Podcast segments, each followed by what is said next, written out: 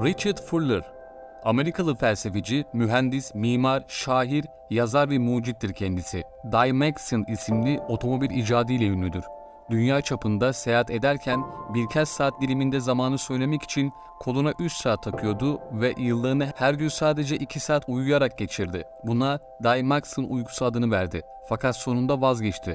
Çünkü meslektaşları uyumadan ona yetişemiyordu. 1915'ten 1983'e öldüğü güne kadar 15 dakikalık aralıklarla dini olarak değiştirdiği hayatının ayrıntılı bir gününü tuttu. Fuller, hayatı boyunca insanlığın dünya gezegeninde daha uzun ve başarılı yaşama şansının olup olmadığını ve varsa nasıl olacağını anlamaya çalışmıştır.